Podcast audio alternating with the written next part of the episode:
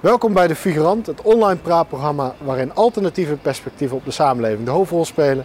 En ik ben vandaag in Antwerpen om te praten met Thomas de Keus over de Gilets jaunes, ofwel de gele hesjesbeweging en sociale onrust in Frankrijk.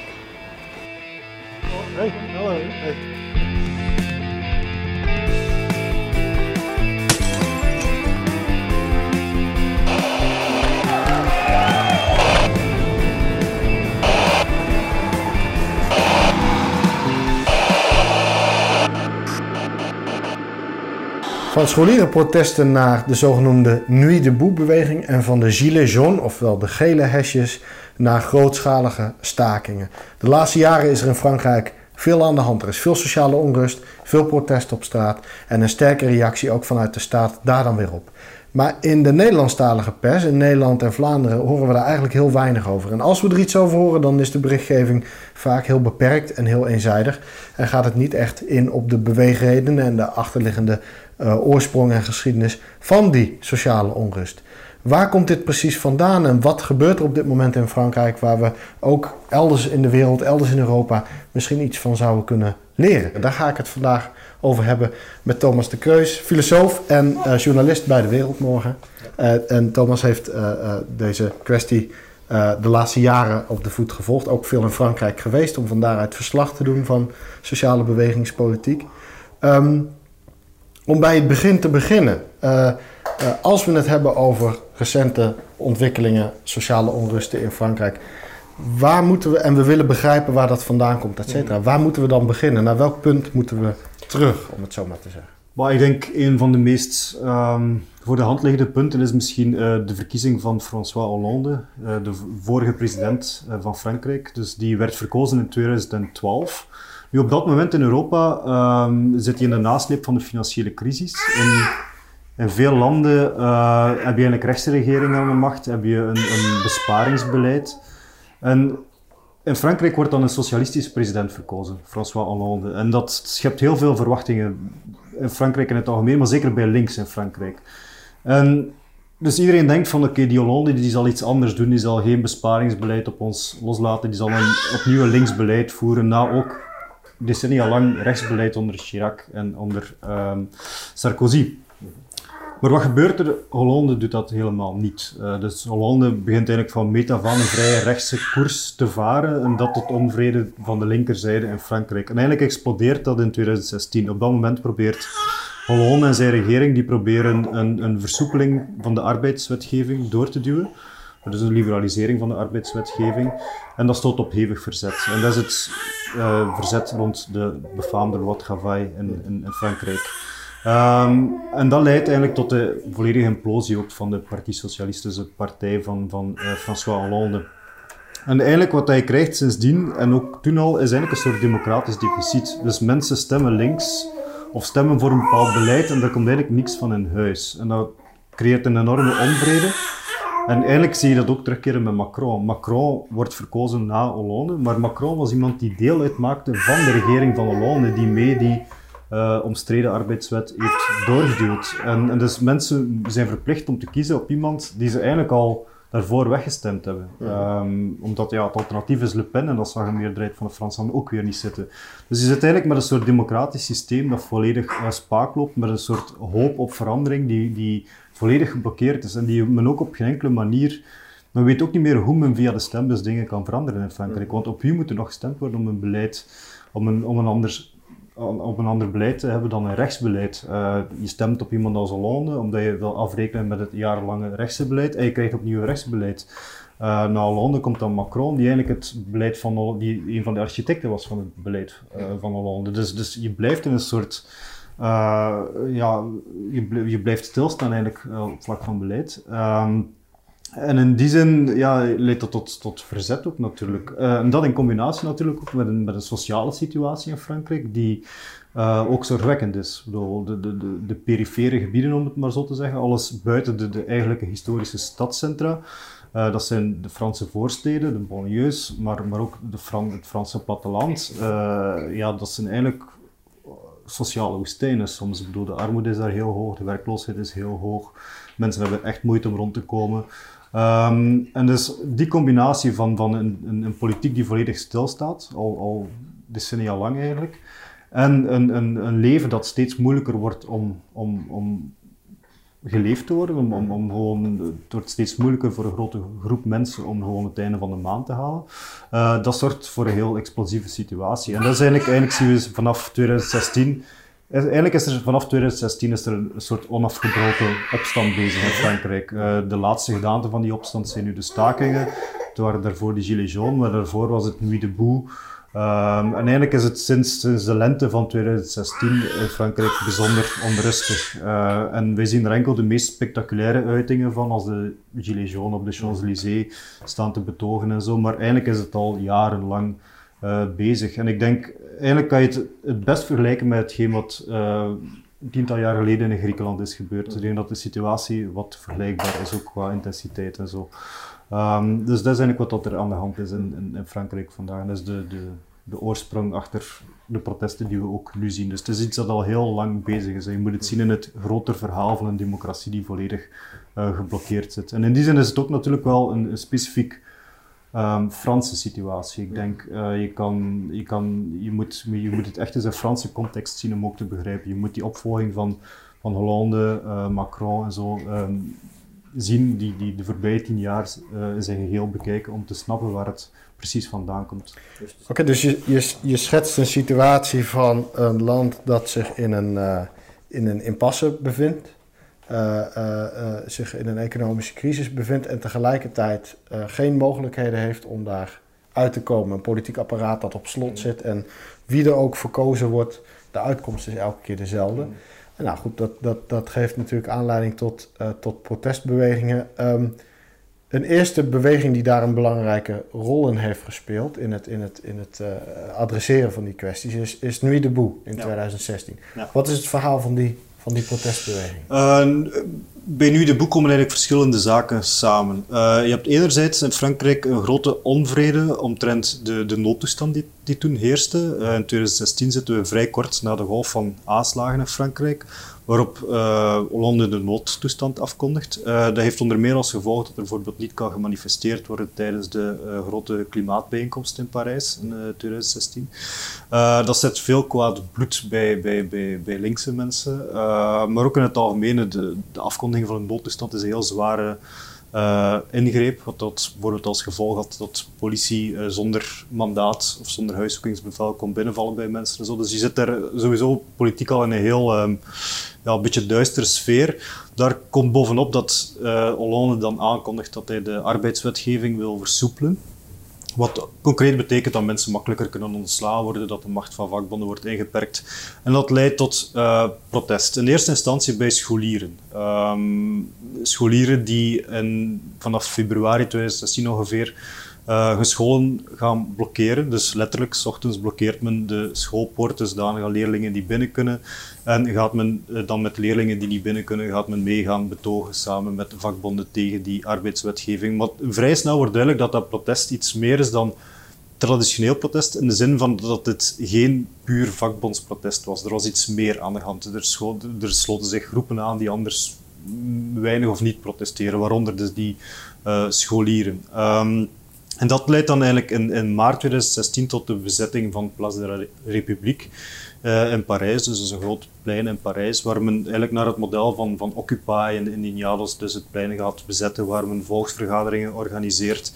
Uh, maar tegelijk, het is natuurlijk duidelijk dat, dat, dat, um, dat nu de boe zich in die traditie situeert, maar er was ook iets anders gaande. In de zin van dat nu de boe in tegenstelling tot Occupy, tot Indignados, uh, van meet af iets minder um, vredevol was, zal ik maar zeggen. Ik bedoel, er, er vonden ook assembleas plaats en zo, maar het plein werd ook gebruikt als een soort uitvalsbasis om eigenlijk uh, wat men in het Frans manif sauvage um, noemt, dus wilde betogingen te gaan organiseren in de stad. Dus, dus vanaf het moment dat er 5, 6, 7.000 man op het plein was, was er vaak wel iemand die zei van en nu gaan we gaan betogen. En dan ontstonden er eigenlijk weer spontane betogingen. Dus wat je had, dat was eigenlijk een deel van Parijs dat eigenlijk maandenlang heel uh, woelig was, heel rumoerig was. Een bepaalde buurt rond Place de la République had eigenlijk bijna dagelijks manifestaties, confrontaties, etc. En de kern van dat alles als een soort basiskamp was die uh, bezette Place de la République. En eigenlijk die bezetting moet je ook met een korreltje zout nemen, want eigenlijk bijna dagelijks werd die ook weer ontruimd, maar de volgende dag kwam men gewoon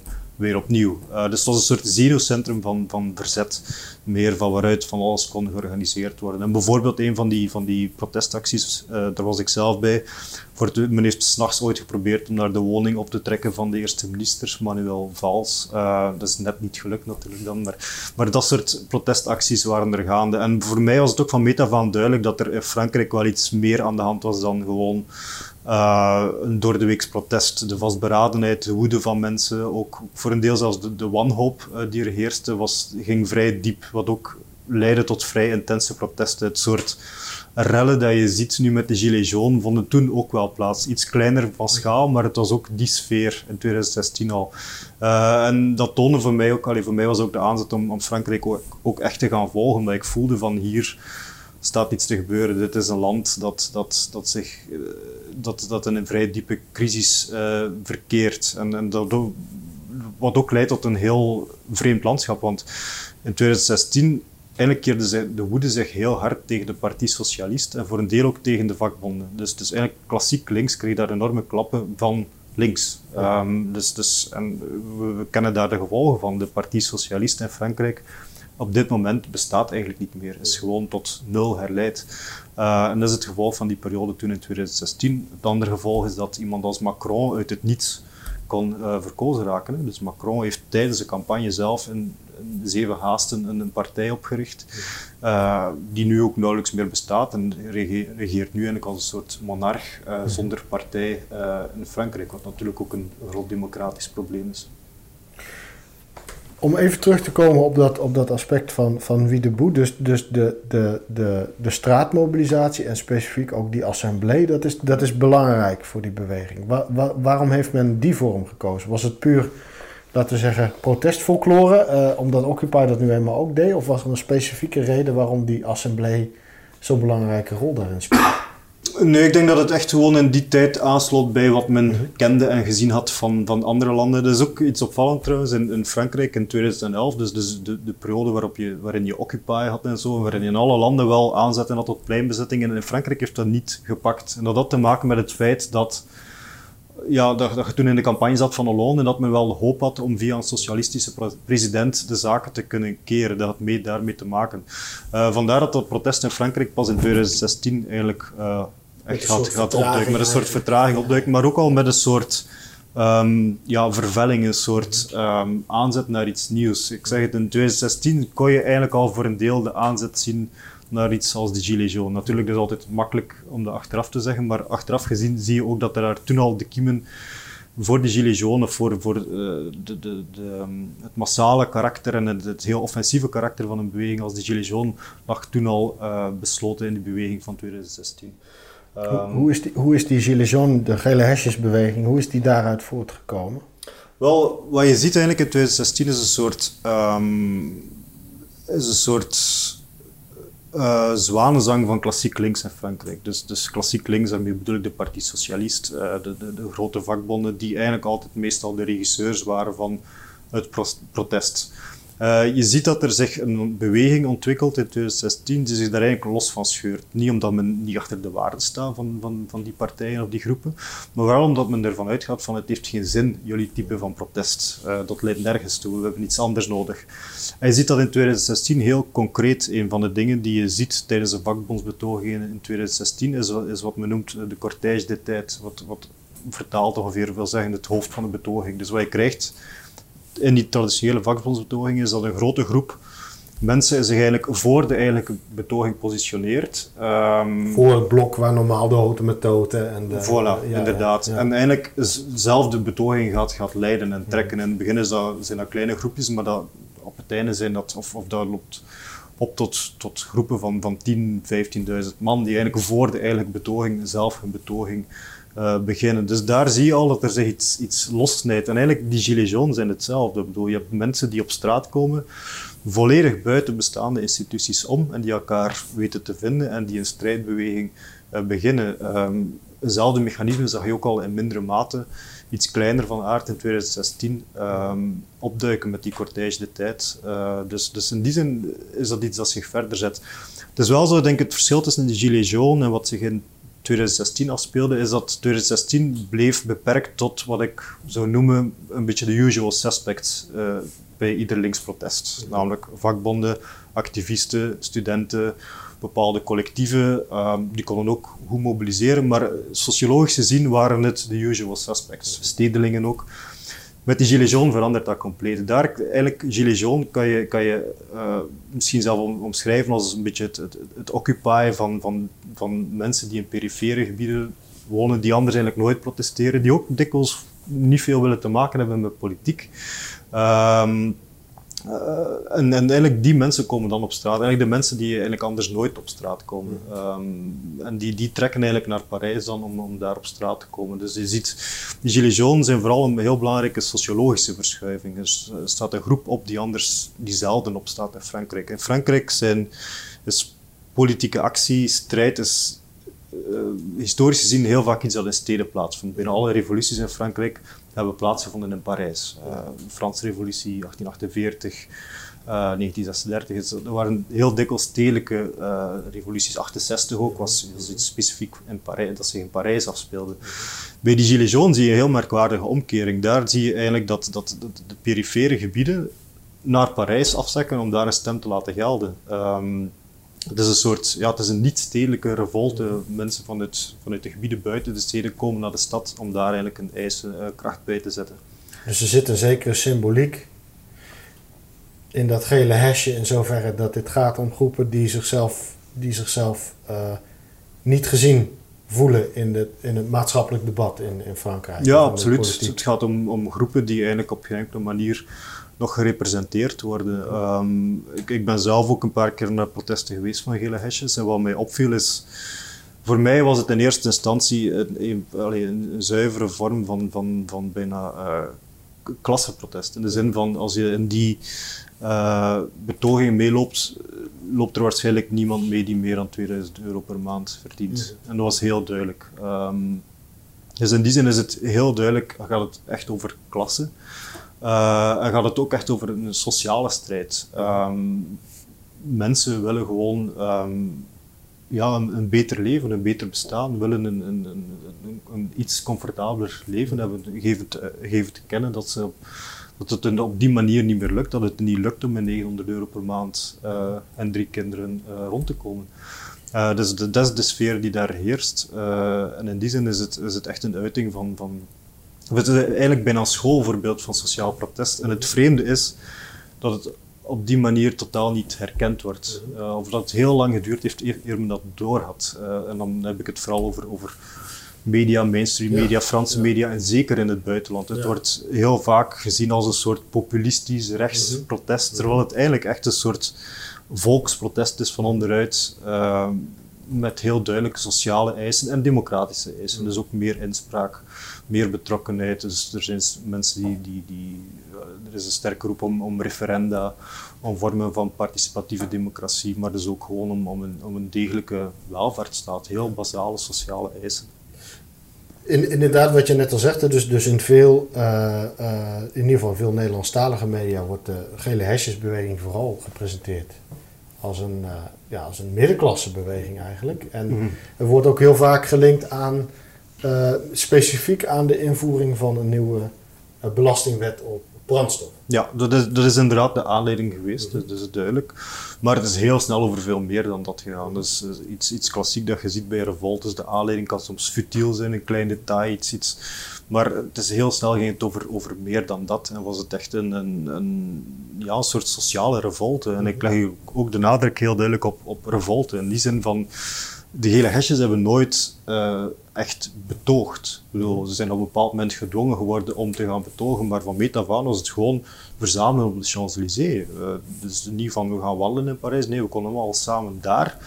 En eigenlijk breken we de boel af. Ik bedoel, daar komt het effectief ook op neer. Um, dus, dus ook het idee van, van is het een vredevolle beweging of niet, uh, dat is eigenlijk niet echt toepasselijk. Dat is, hetzelfde als zeggen van was 1789 of de Franse revolutie, was dat vreedzaam protest of niet. Ja, het is een revolte. Uh, de mensen komen op straat en, en, willen eigenlijk gehoord worden en gebruiken alles wat ze op die straat vinden om hun, stem kracht bij te zetten. Dus dat is de sfeer die er heerste bij die, en heerst nog altijd bij die Gilets jaunes. Um, ja. Nu wordt er ook vaak gezegd, inderdaad, zoals je net al aangaf, dat het in eerste instantie vooral een rechtse beweging was. Of dat de invloed van rechtspopulisme, uh, met name ook van Front Nationaal natuurlijk, en de, de, Mm-hmm. omgeving daaromheen, komen we zo nog wel even op terug, maar dat die invloed van dergelijke partijen en bewegingen heel groot was in die gele hesjesbeweging in Frankrijk. Dat is moeilijk om te zeggen, maar sowieso vind ik het problematisch om op dit soort protest meteen etiketten te willen plakken van links of rechts. Kijk, wat, wat heel eigen is aan, aan, een, aan een periode van, van opstand, van revolte, is net dat alles vloeibaar wordt. Dus effectief, als je meeloopt in die, in die betogingen, zullen er ongetwijfeld mensen daar uh, op, op, op, op, of op Finnen zo gestemd hebben. Zullen ongetwijfeld mensen bij zitten met rechtse sympathieën. Er zitten ook mensen bij met linkse sympathieën. Er zitten anarchisten bij. Er zitten ook zo'n papiers bij die meelopen in betogingen. Dus mensen zonder papieren. Ja, dus, en wat je ziet net tijdens die protesten, is dat mensen naar elkaar toegroeien. Uh, dat, je, um, dat je een soort dat, dat, alles vloeibaar wordt. Dat, dat mensen die dachten dat ze een bepaalde overtuiging hebben, zien dat ze eigenlijk veel meer gemeen hebben met mensen die ze verachten. Uh, dat iedereen net wordt losgetrokken uit zijn isolement ook. Ik bedoel, dat, dat, dat, mensen opnieuw met elkaar babbelen, opnieuw allianties, collectieven aangaan met elkaar. En dat is net het interessante aan die bewegingen. In die zin is het het absolute tegendeel van wat rechts is. De betogingen waarin ik meeliep, waren de meest inclusieve betogingen die ik ooit gezien heb. De meest diverse. Um, de, de betogingen waar, waar, waar um, mensen liepen die anders meeliepen die je anders nooit ziet uh, betogen. Dus, dus in die zin uh, vind ik het fout om te zeggen van dit is rechts of dit is links. Um, Waar komt dat beeld dan vandaan? Want het wordt, dat is wel het beeld wat we gepresenteerd krijgen in de, in de pers. Omdat de pers en de media, en ik behoor zelf ook tot de media, dus ik kan dat zeggen en ik weet hoe, hoe, hoe het werkt, heel vaak wil bestaande etiketten op iets plakken dat fundamenteel nieuw is. Uh, dit is iets, op die Gilets jaunes waren iets dat fundamenteel nieuw is, dat, dat niet in bestaande hokjes past. En men probeert daar absoluut bepaalde hokjes op te plakken. Het is links, het is rechts, het is dit of dat. Uh, terwijl het eigenlijk net iets vloeibaars is, iets dat in beweging is en dat ook overal kan uitkomen. Hè. Ik bedoel, die beweging kan alsnog een rechtse bocht pakken, dat is, dat is zonneklaar. Maar het is iets dat fundamenteel vloeibaar is, dat in beweging is. En dat je net niet kunt vatten zonder er zelf in mee te lopen en zonder effectief ook te gaan babbelen met mensen. Dan kan je er wel een beeld van vormen, maar als je als journalist gewoon achter het politiecordon gaat staan en de persberichten binnenkrijgt van de Franse overheid, dan is het onmogelijk om je daar een correct beeld van te vormen.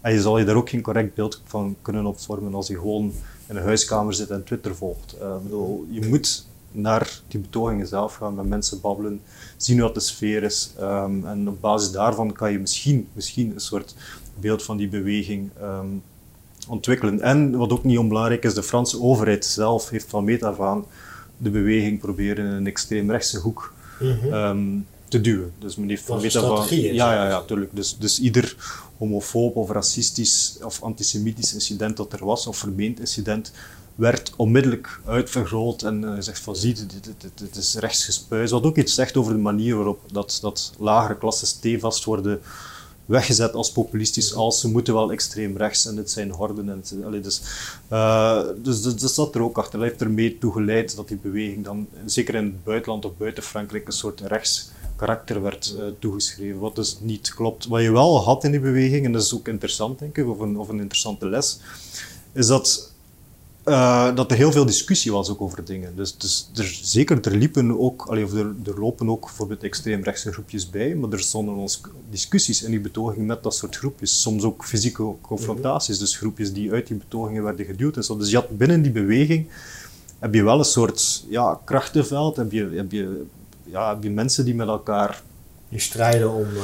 Ja, die strijden binnen ja. die beweging om, om, om ruimte te krijgen. Maar strijd is misschien een verkeerd woord, omdat dat agressief klinkt. Maar je hebt een soort um, discussie, krachtenveld binnen die beweging. En wat dat we kunnen vaststellen na meer dan een jaar, is dat rechts uh, niet dat krachtenveld heeft kunnen bezetten. Men heeft dat wel geprobeerd, maar dat is niet gelukt. Um, en ik denk dat de meeste mensen, of de meeste van die gilets jaunes, gewoon weten van dit is niet per se iets, iets rechts. Dit gaat niet over migratie. Dit gaat niet over. En als we het daarover hebben, dan verveelt ons dat ook enkel maar weer opnieuw. Mhm. Wat dat we willen is gewoon meer inspraak, uh, een leefbaar leven. En, en dat is de basis. En op basis van, van die sokkel kunnen we wel heel veel mensen verenigen en kunnen we ook um, heel veel samen doen. En het interessante is ook dat, dat je vanuit die Gilets jaunes um, heel snel eigenlijk um, wisselwerking hebt gekregen met andere strijden. Dus er, aanvankelijk werd het ook geframed als een, als een protest dat, dat uh, ja, anti-ecologisch was mm -hmm. en zo. Uh, wat Vanwege je nu die brandstoftax. Voilà, inderdaad. Wat je nu ziet is dat net de klimaatbeweging in Frankrijk zich heeft aangesloten bij die gele hesjes. Dat je heel interessante kruisbestuivingen krijgt tussen klimaatactivisten en gele hesjes. Um, je krijgt ook uh, kruisbestuivingen tussen uh, actiecomité's uit de banlieues en die gele hesjes. Mm -hmm. Waarom? Omdat bijvoorbeeld die gele hesjes ook letterlijk uh, zeggen van, van kijk, eigenlijk beseffen wij wat jongeren uit de banlieues moeten meemaken met de politie, dan maken wij nu ook mee. Mm -hmm. En dat schept een band. Dus, dus dan ja. krijg je actiecomité's uit de banlieues die samen met die gilets jaunes acties gaan beginnen en zo. Dus in die zin krijg je ook een enorme samenvloeiing van verschillende strijdbewegingen in Frankrijk. Uh, en dat is ook iets, iets heel interessants, denk ik. Het is ook een Franse traditie. Ik bedoel, in, Frankrijk, convergence de lutte is, is, een begrip, dus de convergentie van verschillende strijdbewegingen is iets dat men ook altijd nastreeft. Uh, dus het is een, voor een deel Frans folklore, maar het zorgt, er, het zorgt er wel voor dat men dat effectief ook op het terrein altijd nastreeft. En het leidt er ook toe dat, dat er interessante mengvormen ontstaan tussen, tussen, uh, tussen verschillende strijdbewegingen, die daardoor ook steeds opnieuw krachtiger worden. Je verwijst naar uh, de rol van politiegeweld hierin. En dat dat iets is wat mensen samen heeft gebracht. Um, dat politiegeweld, daar is iets, dat is ongekend uh, geweest de afgelopen jaren. Ja, het is sowieso, de, Franse politie heeft een heel um, specifieke manier van ordehandhaving, uh, om het wat eufemistisch uit te drukken. Um, nee, het is zo de Franse politie heeft een heel lange traditie van, van heel gewelddadig en repressief optreden. Um, om een voorbeeld te geven, als je in Frankrijk betoogt, um, dan zullen alle zijstraten stevast afgesloten zijn door politieagenten die daar staan in volle wapenuitrusting met schilden, helmen op en zo. Dus heel uh, provocerend. Vanaf er één iemand iets gooit, een blikje, een flesje, schiet men direct terug met traangas, waardoor heel de betoging, of toch een groot deel van de betoging getroffen wordt en krijg je heel snel rellen. Dus, dus de politie is er steeds op gericht om rellen te creëren en dat als uh, excuus te gebruiken om heel hard uh, op te treden. Um, daar komt bij dat de Franse politie wapens gebruikt die in andere landen niet gebruikt worden. Um, een van die wapens is de LBD. Dat is een soort um, geweer dat rubberkogels afschiet, rubberkogels de grootte van pingpongballen ongeveer. Dat komt dan 300 km per uur op u af. Dus je kan zich inbeelden als je dat in je ogen of in je gezicht krijgt, dat dat tot een vreselijke wonden krijgt, uh, vreselijke wonden oplevert. Verschillende mensen, tientallen mensen zijn al ogen kwijt. Um, de, ook, maar ook als je dat tegen je kaak krijgt of zo, je fracturen die bijna niet meer kunnen hersteld worden. En men gebruikt dat ook echt, dat wapen, om mensen te verwonden. Dus het is niet gewoon dat men dat in uiterste nood aanwendt het wordt echt gebruikt om mensen te verwonden en om mensen op die manier af te schrikken om nog deel te nemen aan betogingen. Hetzelfde met een bepaald type granaten dat men gebruikt, de GLI F4. Uh, noemt die. Uh, dat is een soort granaat die, die traangas uh, spuit, maar die ook partikels um, rondspuit. Dus, dus partikels die, als je die op u krijgt, die in uw vel, die zich in uw vel boren, die ook een, een, een, dosis TNT bevatten. Dus een heel explosief materiaal waaruit dynamiet is samengesteld. Ook daar zijn al meerdere mensen hebben handen verloren of hebben heel ernstige blessures opgelopen door die granaten. Uh, dus dat zijn eigenlijk een, bijna oorlogswapens die men inzet uh, op de bevolking, die leiden tot vreselijke wonden. Um, en, en, ja, dat is natuurlijk een, een, een, vorm van terreur die men eigenlijk uitoefent op de bevolking, die ook compleet onnodig is. Uh, je kan de orde handhaven perfect zonder dat type wapens.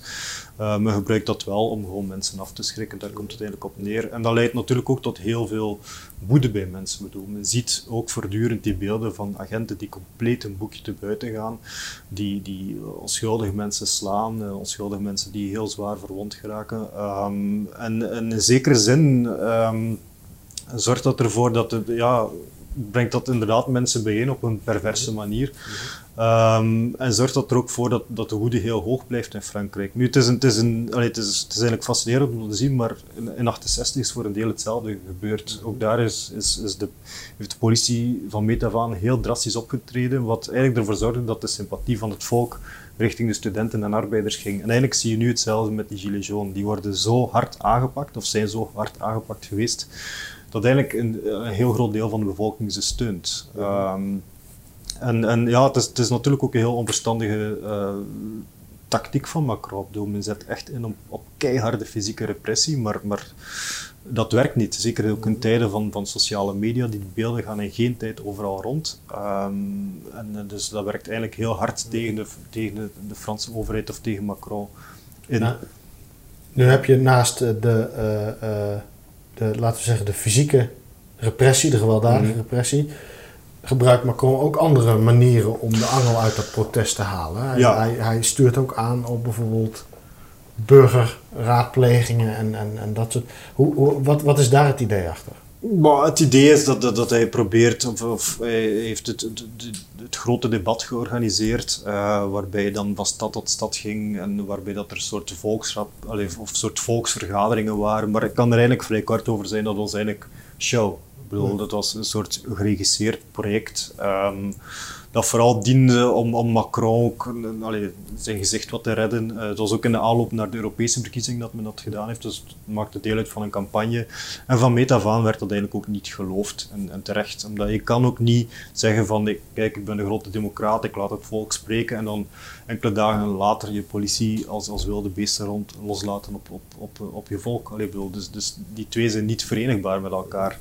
Uh, te meer ook omdat ten aanzien van de politiegeweld heeft men, is nu de laatste weken, is men, geeft men toe dat er een probleem is vanuit de Franse overheid. Dus Macron heeft het erover gehad. Maar men heeft er ook meer dan een jaar gewoon over gezwegen. Hè, terwijl er iedere week vreselijke beelden de ronde deden zweeg de Franse overheid in alle talen over het politiegeweld. En wat betekende dus dat de politie ongestraft kon, kon verder doen.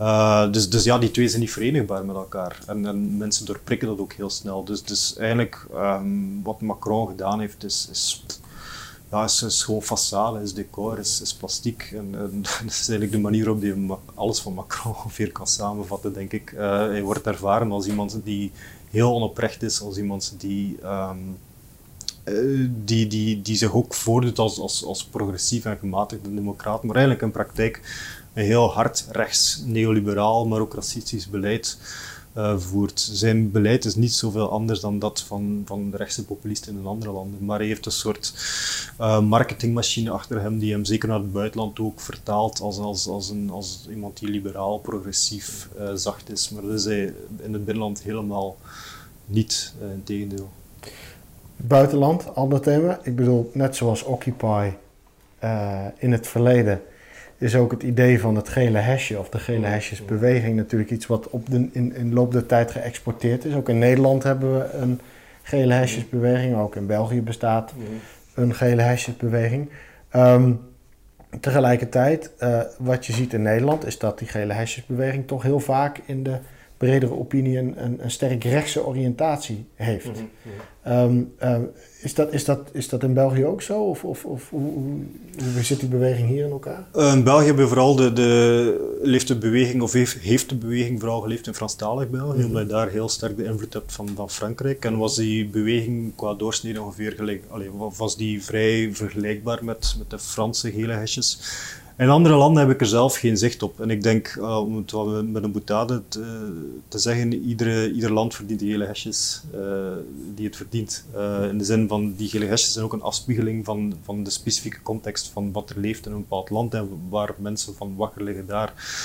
in Frankrijk hebben die gele hesjes over het algemeen een, een, links karakter, kan je zeggen. Wat niet betekent dat, dat je daar geen rechtse mensen tussen hebt, maar, maar de eisen waar het over gaat, waarover gebabbeld wordt, is niet iets wat je, fundamenteel rechts kan noemen. Uh, dit is, uh, ik heb de indruk dat het in Nederland meer een rechtsextreem rechtse richting uitgaat. dus in die zin, de gele hesjes bestaan ook niet. En de, gele hesjes op, op zich in Frankrijk zijn ook een heel specifiek Frans fenomeen dat je niet zomaar kan exporteren naar, naar andere landen. Net zoals dat bijvoorbeeld de Arabische lente, dat je in de tijd ook niet kon zomaar resteloos exporteren naar Europa of de VS. Ehm, dus, dus in die zin um, hebben die twee eigenlijk niets met elkaar te maken. Het is niet omdat je heel hesje aandoet dat je automatisch aansluit bij, bij, de, bij de Franse gele hesjes. Dus, dus um, dat, is, sterkt natuurlijk de zwakte van dat soort bewegingen. Iedereen kan een heel hesje aandoen, um, maar niet iedereen is een heel hesje.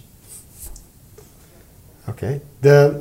Uh, ik wil graag nog uh, kort even naar de, teruggaan eigenlijk naar de context van de um, representatieve politiek, mm -hmm. parlementaire politiek. Want dit soort sociale bewegingen, nu de boe, gele hesjes, komen natuurlijk deels, zoals je uitlegde, voort uit een onvrede met, uh, met die representatieve politiek of de, de mogelijkheden voor verandering die het biedt.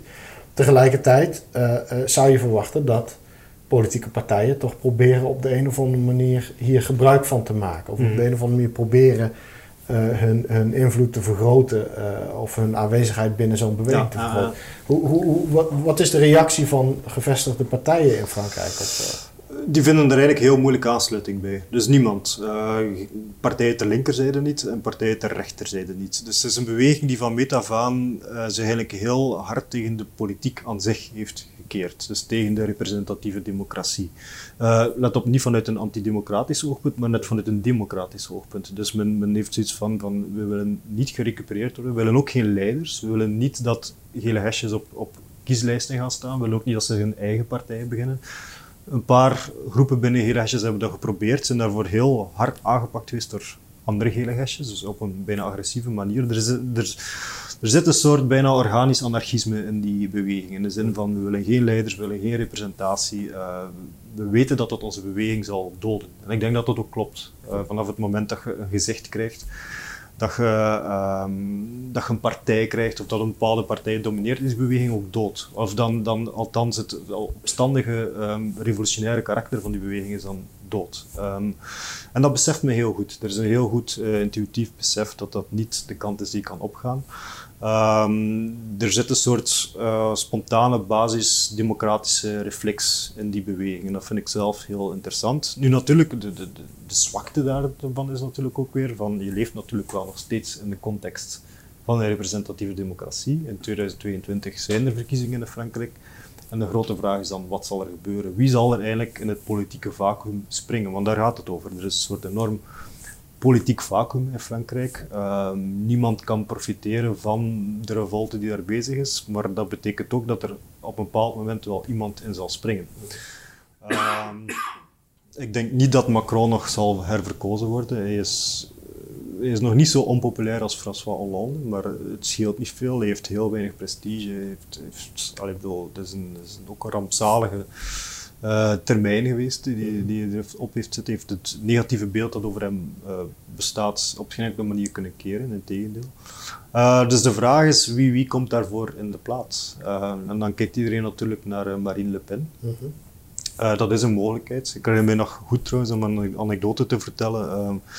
In de nasleep van de protesten van 2016 waren ook protesten tegen eigenlijk de verkiezingen van 2017 en tegen Macron. En toen had hij een slogan uh, die op een muur stond in Parijs en die luidde Macron 2017 is gelijk aan Le Pen 2022. En ik vrees dat het een, een profetische slogan was of, of een profetische tag op die muur, omdat de enige die echt min of meer stand houdt in dat vacuüm is, is inderdaad uh, Le Pen. Mélenchon ook voor een deel, maar, maar het probleem is ook dat Frankrijk een, heel, allee, of een vrij complex kiessysteem heeft met twee rondes, waardoor dat iemand met eigenlijk heel weinig stemmen toch kan winnen. Dat is wat er gebeurd is bij Macron, omdat de meerderheid van de Fransen toch Le Pen echt niet zag zitten. Ja. Heeft men dan maar... Uh, had tijdens de eerste ronde 24% of zo ja, dergelijks. Ja, en, en, uiteindelijk heeft hij gewonnen. Ja, ja. Dus, dus, dus dat is een enorm klein draagvlak dat je hebt als, als president. Dus ik denk dat daar, denk de, allee, de oplossing als, als er, is, is, een, een verandering van het, van het politieke representatief systeem in, Frankrijk. Daar loopt iets fundamenteel fout. Uh, dat is ook een systeem dat heel hard rond de president draait. Hè. Dus, dus de president is, is, heel machtig in Frankrijk. Uh, en ook dat allee, zorgt voor veel frictie. Het is ook een heel gecentraliseerd land. Het is misschien ook interessant nog om, om te vermelden. Um, die, die Gilets jaunes wat, ze hebben ook een soort regionalistische tendens. In de zin dat men zich uh, heel sterk verzet tegen het heel, heel gecentraliseerde Frankrijk. Mhm. Um, en dat heeft ook te maken met een soort basisdemocratisch reflex. Het heeft niet zozeer te maken met nationalisme, maar wel met het idee van wij willen in ons eigen gebied, in ons eigen uh, streek ook meer macht om, om te zeggen wat wij zelf uh, kunnen of, of, of, moeten doen. Um, het is niet per se Parijs, wat soms 800, 900 kilometer verder ligt, dat hier moet komen beslissen wat dat wij moeten doen. Dus, dus dat, dat, speelt ook wel mee, die, die, die tendens, die, die meer regionalistische tendens in, in, een land dat heel sterk gecentraliseerd is. Dus je zou kunnen concluderen, hoewel voor ons vanaf een afstand het niet altijd heel erg duidelijk is om te begrijpen waar die beweging precies over gaat, een soort rode draad door veel sociale bewegingspolitiek in Frankrijk op dit moment is uh, dat men eigenlijk het faillissement van de representatieve democratie in haar huidige vorm uitroept. En, ja. en, en een andere notie van democratie. Ja, dat en in combinatie ook met die sociale eisen. Dus, dus net zoals in veel andere landen is ook de, de, de welvaartsstaat in Frankrijk wordt die gaandeweg uitgekleed. Uh, paradoxaal genoeg iets minder dan in andere landen, omdat de Fransen wel nog heel, of, een stevige traditie kennen van sociale strijd, waardoor dat politici toch iets voorzichtiger zijn, zijn geweest tot nu toe. Um, maar, maar ja, het, is eigenlijk die combinatie. Het is de doorgang van een soort democratisch ideaal in combinatie met, met, een, uh, met sociale eisen. Daarover, daarover gaat dat uh, protest in wezen. En, en uh, een, heel diffu, of een heel diffuse groep van mensen kan zich erachter scharen. Um, en dat is, dat is interessant. En ik denk, om, om nog heel even terug te komen op, op het idee van is dat nu rechts of links. Ik denk eigenlijk, mijn mening daarover is dat, dat dit soort van protest het beste antidotum is voor uh, populistisch rechts. Um, wat links nodig heeft, is dit soort van protest. Het is uh, door dit soort van protest dat mensen um, echt gepolitiseerd worden, dat mensen um, dat posities verschuiven op een, op een heel snelle wijze. En ik denk een van de mooiste films die gemaakt zijn over de Gilets jaunes en die ik iedereen kan aanraden, is uh, Je veux soleil van François Ruffin. En die is in december 2018, dus toen dat de beweging net ontstond uh, en toen dat overal ronde punten werden bezet uh, in Frankrijk door die Gilets jaunes, trouwens ook een overeenkomst met Occupy, het feit dat die ronde punten allemaal werden bezet, dat men daar kabannetjes en zo op uh, bouwde. Maar die is gewoon gaan babbelen met mensen. Gewoon van wat doet u hier en wat, wat, wat brengt u hier. En uh, wat heel mooi was, is dat heel veel mensen eigenlijk echt ontroerd waren door die protesten. Dus mensen die deelnamen aan die protesten en zeiden van, dit is de eerste keer in mijn leven dat ik eigenlijk effectief babbel met mensen. Met buren, met mensen in mijn straat. En dat ik eigenlijk besef dat we eigenlijk allemaal dezelfde zorgen delen. Um, en ik denk dat, daar, dat dat eigenlijk ook de ziel is van dat, van, van dat protest. Mensen komen weer samen, babbelen weer met elkaar. Uh, en er hangt ook in die protesten een heel sterke broederlijkheid, een enorme samenhorigheid. En, en, dat vind ik er heel mooi aan. En in die zin is het het beste tegengif voor verrechtsing, voor individualisering, voor rancune, voor haat en ook voor racisme. Want mensen van andere origines ontmoeten elkaar even goed in die, in die beweging.